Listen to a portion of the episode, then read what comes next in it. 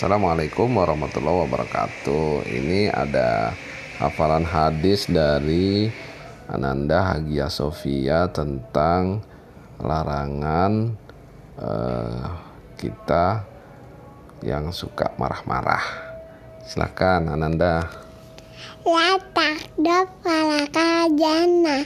Jangan marah-marah bagimu surga. Oke, terima kasih. Assalamualaikum warahmatullahi wabarakatuh.